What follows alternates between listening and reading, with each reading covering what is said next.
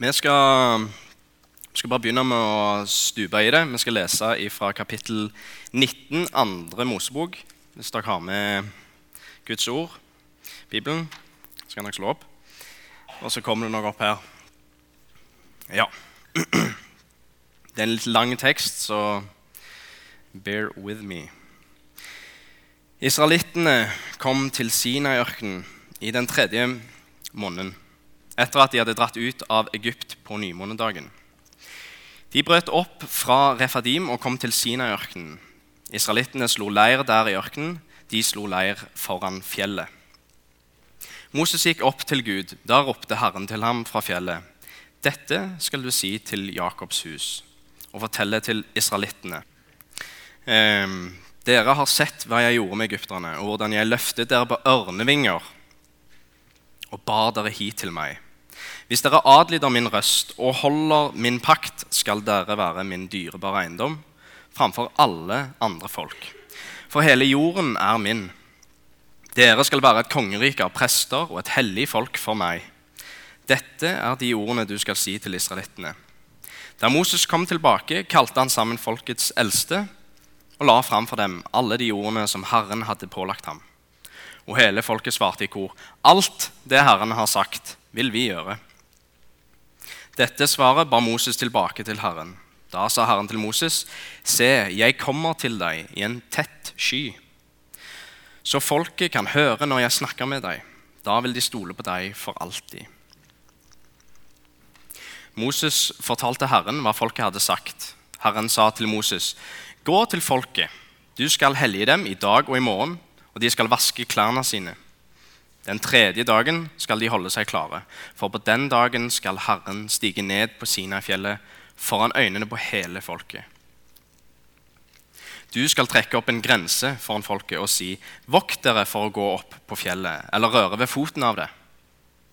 Hver den som rører ved fjellet, skal dø. Ingen hånd må røre ham.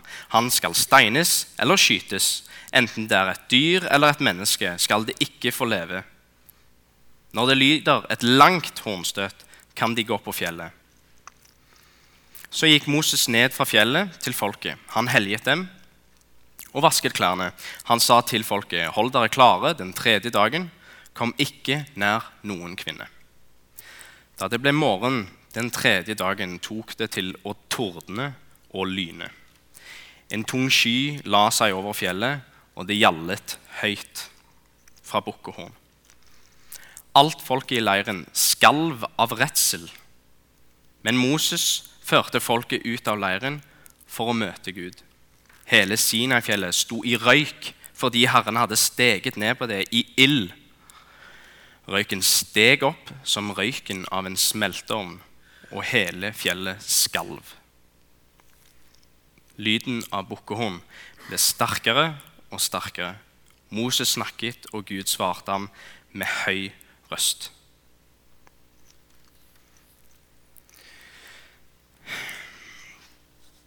Veldig lang tekst, men eh, jeg håper dere eh, hang med.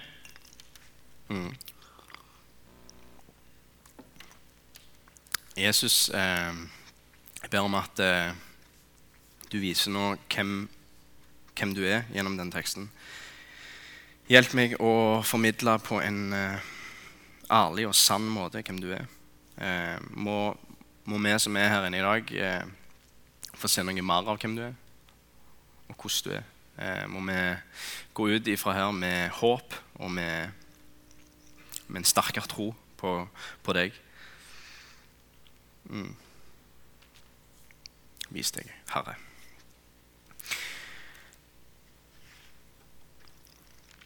Temaet er 'Herren viser seg'. Og I denne teksten her så er det enormt mye det går an å snakke om. Jeg har lyst å eh, spesielt trekke fram tre ting. Og Jeg har prøvd å være litt pedagogisk, gjøre det litt sånn systematisk for dere. Eh, siden det er, det er, så masse. Så eh, det første er Herren viser her i teksten hvordan en relasjon med Han ser ut. Og Det andre er Herren viser hvorfor det er helt umulig å ha en sånn relasjon med ham. Og det tredje er at Herren viser hvordan han gjør det umulige mulig. Og aller først, altså bare pedagogisk igjen Herren viser hvordan en relasjon ser ut med han. Herren viser hvorfor det er umulig, og Herren viser hvordan han gjør det mulig. Først så ser vi i vers 4 til vers 5. Der står det Dere har sett hva jeg gjorde med egypterne, og hvordan jeg løftet dere på ørnevinger og bar dere hit til meg. Og Dere husker kanskje hvordan eh, Ingvald snakket om eh, for to helger siden. Ja. Hvordan eh, Israel sto i en helt sånn låst situasjon. De hadde ingenting de kunne gjøre, men det er Gud som frelste dem. Og de kunne ikke ære noen andre enn han. Han var den eneste som frelste dem. Og her står det òg hvordan, han bare påpeker i en, i en, relasjon med han hvordan det ser ut. Han var han som frelste dem alene. Han bar de barnevinger. Og ikke nok med det, men han leda Israel til seg.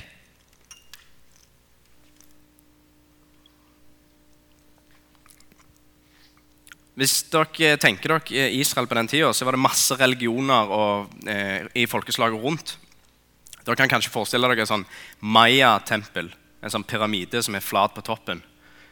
Så der ville, eh, Eller pyramiden i Egypt. Sant? Menneskereligionene er, er veldig ofte sånn at en, en prøver å tilnærme seg Gud. En går opp på toppen av dette, denne pyramiden, ofrer noe og liksom prøver å please en gud, men en går mot Gud. Da. Det er tvert imot eh, Det er helt, helt motsatt som, det som skjer her. Det er Gud som, som setter dem i en umulig situasjon. Han frelser dem, og han leder dem til seg. Og det begynner alltid der. Det er nåde. Nåden til Gud alene. Den frelsen kun Gud kan gi. Det er der det begynner. En relasjon med Han. Og det andre vi ser, det er hvis dere adlyder min røst og holder min pakt Så tror jeg at det, det, snakker om eh, Etter denne frelsen så kommer adlydelse. Og Nå presenterer jeg en rekkefølge som kanskje dere syns eh, høres rar ut, men jeg tror det er en enormt bibelsk sannhet som går igjen, igjen og igjen og igjen. Og det er adlydelse etter frelse. Og Det kan høres litt sånn tyrann ut at uh, Gud sier 'adlyd meg'. Men uh, jeg har tenkt litt på det, og, og det, er, det, som jeg kjenner igjen i det litt, det er at det er et, det er et kjærlighetsforhold i det å adlyde. Hvis jeg skal gjøre Mina glad, Eh, så, så, prøver jeg å finne hennes behov, eh, det, det, hun liker. Sånn, av og til så spør hun om jeg har lyst til å bli med på Ikea. Det er noe av det verste jeg vet. Eh, men det har hendt. Jeg skrøyter ikke nå. Det har hendt, Jeg har sagt eh, ja, det kan vi godt. Hva er det jeg gjør da? Jeg adlyder jo hennes vilje. Jeg tror, det, jeg tror, det, er noe du finner i et kjærlighetsforhold. Eller folk du er glad i, folk du elsker. Du prøver å finne ut hva er din vilje, og hvordan kan jeg adlyde den? Hvordan kan jeg fylle din vilje? Og det er det jeg tror vi ser i denne relasjonen mellom Gud og israelittene, som vi kan se her. Det neste vi ser, er eh, ja, hvis vi adlyder, da Hvis dere adlyder min røst og holder min pakt, skal dere være min dyrebare eiendom framfor alle andre folk. For hele jorden er min. Dere skal være kongerike av prester og et hellig folk for meg. Ehm, jeg tror i relasjonen, den kjærlighetsrelasjonen som blir vist her, der Gud frelser han ber om adlydelse, så følger det velsignelse. Og vi skal være et kongerike fra, fra han, av prester. Eh, men det er viktig Jeg tror eh, noe som stemmer, er når Gud sier til Abraham 'Jeg skal velsigne deg', så stopper han ikke bare der. Han sier jeg skal velsigne deg for at du skal være en velsignelse for de folka rundt deg. Og det samme tror jeg en har i en relasjon med Gud. Eh, bare så enkelt som israelittene viser her. Eh, men hvis du stokker om på den rekkefølgen her, da tror jeg det blir fullstendig galt.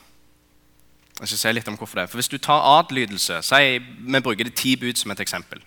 Hvis du, hvis du plutselig sier 'adlyd Gud', så frelse, så velsignelse Jo, hva skjer da? Eh, jeg må gjøre de ti bud. Jeg må ikke gjøre noe annet. Og så blir jeg frelst, og så får jeg velsignelse. Det er veldig sjølsentrert, er det ikke det? Hva slags forhold er det? Jeg, jeg, jeg, jeg, jeg. Mens hvis du har opplevd frelse Hvis det er først Jeg har opplevd frelse, og så adlyde, da er det du frelste. Du vil jeg adlyde.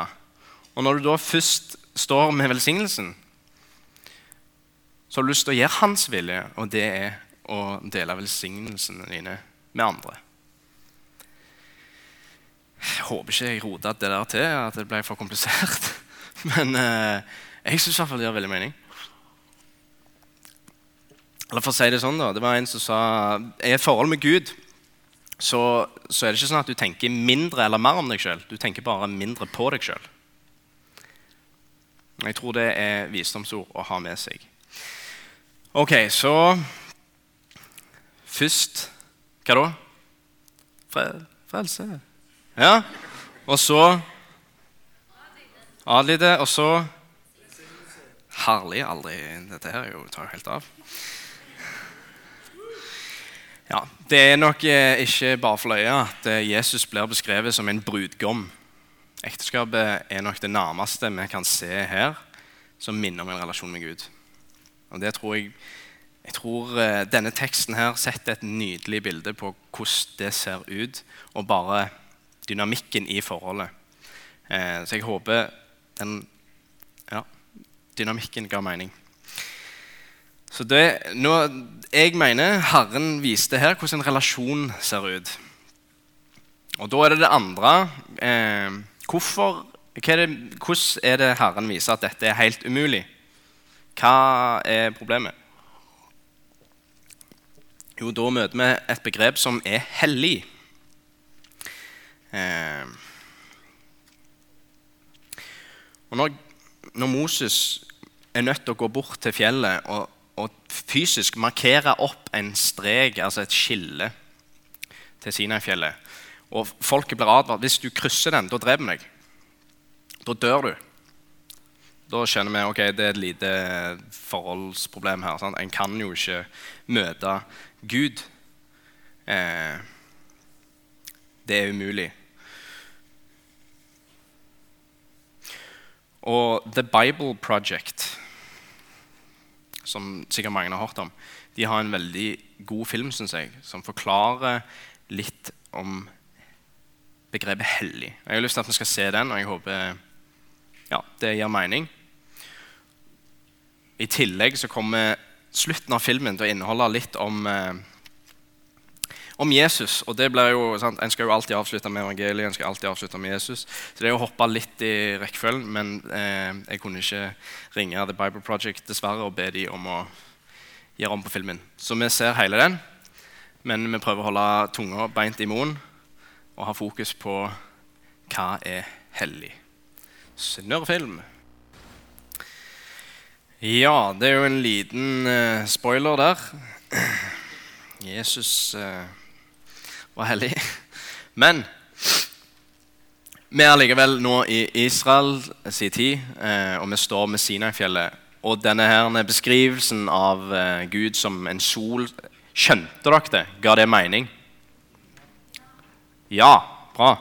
Ok, så eh, Gud er hellig. Moses spør faktisk en gang Gud kan jeg, eh, I kapittel 33 bare for å være sånn ekstra tydelig, eh, så spør Moses Gud kan jeg se din hellighet. Eller kan jeg se din herlighet? Så sier Gud nei, ingen mennesker har tålt det. Men, men, vi kan gjøre det sånn. Du kan stille deg inn i en sånn sprekk her, og så skal jeg gå forbi, så holder jeg hånda forbi deg. Og så når jeg liksom har spasert så langt forbi at du ikke kan se fjeset mitt, så tar jeg den vekk, så kan du se meg bakfra. Så det er liksom, ja, det er en kjærlig Gud. Det er ikke som å gå på Ikea. det. Eh, men, eh, men, dette beskriver jo eh, en sånn forferdelse av en forskjell. Og Det skal vi prøve å se litt nærmere på. Og Da skal vi slå opp i Hebreerne, Hebreerne 12, vers 18. Ja. Dere er ikke kommet til et fjell dere kan ta og føle på. Ikke til flammende ild, skyer, mørke og storm. Ikke til gjallende horn og en røst som talte, slik at de som hørte den, ba om å bli spart for å høre mer. For de kunne ikke tåle den befalingen som ble gitt. Om så et dyr kommer nær fjellet, skal det steines. Ja, så gruvekkende var synet at Moses sa, 'Jeg skjelver av skrekk'. Eh, har dere sett skrekkfilm? Skal jeg slippe av å si det, Muff. Eh, men det er jo veldig skummelt. Men det er nok enda verre å være i skrekkfilmen. sant? Den der som springer og er livredd. Den skrekken som du observerer, den skrekken sitter Moses med etter sitt Gud. Han er fullt av skrekk i møte med Guds hellighet. Så hel Gud er hellig, det er problemet. Herren viser oss at sånn, dette er grunnen til at det er umulig at vi har en relasjon. Men jeg vil bare dypdykke litt hva, hva, hva er det vi opplever når vi ser Gud? Når vi ser Hans hellighet? Og så har jeg tenkt litt på dette. Det er ikke sikkert eh, jeg har truffet mål, men eh, jeg har tenkt litt sånn du, Hvis du går i en klasse, og så får du en E på eksamen, og så får resten av klassen B eller A, da, da du litt. Eller det er ikke sikkert alle gjør det, men det er liksom Det er en sånn Du har blitt testa på hvor god du er, og du har fått faktisk resultat. Du er dårlig sammenligna med resten av gjengen. Og det er jo fakta. sant? En, en, får jo et resultat. Så god er du på det pensum. Og jeg vet at veldig mange sliter med det. En kan bli deprimert av det. En kan ha det skikkelig drit hvis, hvis en blir liksom best. Du er så dårlig. Eh, det er ikke sikkert du har lyst til å snakke eller se klassekameratene dine inn i øynene. Hva er det da som får oss til å kunne se hverandre inn i øynene? Hvorfor klarer jeg å se meg sjøl i speilet? Okay, For hvis du møter Gud, så får du en F på sjela di. Du får stryk. Du kunne ingenting om pensum. Det er hellig. Det er differansen mellom oss og Gud. Og jeg tror det jeg tror det er bra for oss eh, etterfølgere av Jesus å være klar over at det, uansett hvor mye du har innsett at du er syndig, uansett hvor på en måte jeg mye du har straffa deg sjøl, eller ikke at jeg skal gjøre det, men, men altså Uansett hvor from du er, uansett hvor mye du har innsett at du er feilbarlig, så tror jeg den eneste grunnen for at vi klarer å se folk inn i øynene og se oss selv i speilet, er en livsløgn. Og det er jeg er nokså god. Jeg er et godt menneske. Jeg gjør mye godt. I hvert fall i forhold til Hitler. Ja, da er jeg jo kjempegod. Og jeg tror når du møter Gud, så kollapser det, og du blir fullt av skrekk. Fullstendig livredd. Fordi han blottgjør deg. Han blottgjør sjela. Og ingen har lyst til å være i et sånt et forhold. Det er umulig. Vi tåler ikke Gud. Men så viser Gud hvordan han gjør det umulige mulig. Dere, det som skjer når, når Israel sier vi, vi, vi tåler ikke å høre på han engang. Du, Moses, du må gå opp. Så Moses ender opp med å gå på vegne av israelfolket opp til Gud. Snakker med han, så går han ned og formidler, og så opp, og så formidler han. Så Moses blir en slags mellommann for å gjøre dette. Og vi leser videre eh, ja, i kapittel 12. Og nå ser vi altså på hva Herren viser, hvordan han gjør det mulig. Nei, dere er kommet til fjellet Sion, til den levende Guds by, til himmelske Jerusalem, til titusener av engler, til høytidsfeiringen, til forsamlingen av de førstefødte som er oppskrevet i himmelen. Dere er kommet til en dommer som er alles Gud, til ånd, åndene av de rettferdige som har nådd fullendes, til Jesus, mellommannen for en ny pakt, og til det rensede blod som taler sterkere enn Abels blod.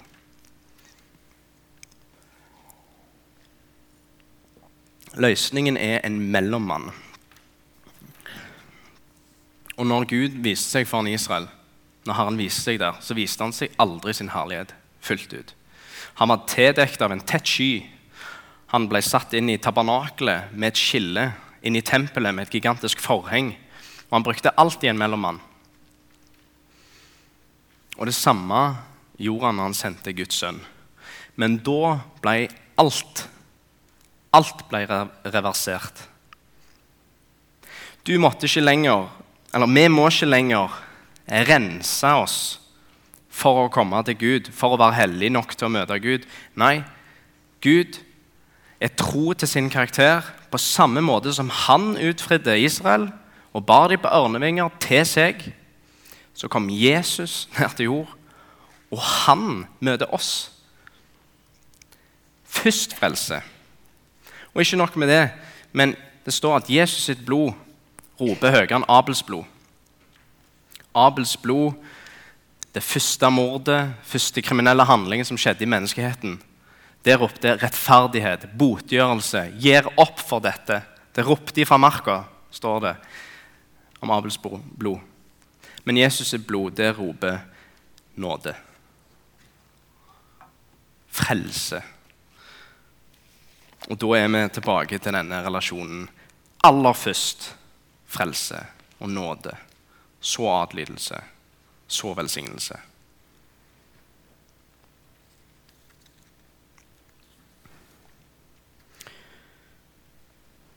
Og Gud,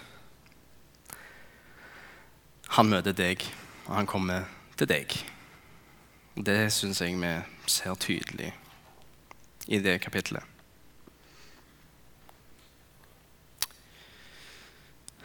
Jesus, eh, takk for at du kom til oss. Takk for at du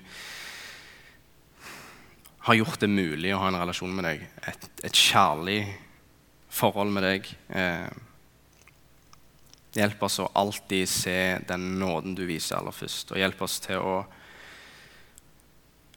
adlyde din vilje. Hjelp oss å elske deg genuint. Hjelp oss å fylle deg av et helt hjerte. For du er aldri interessert i offer.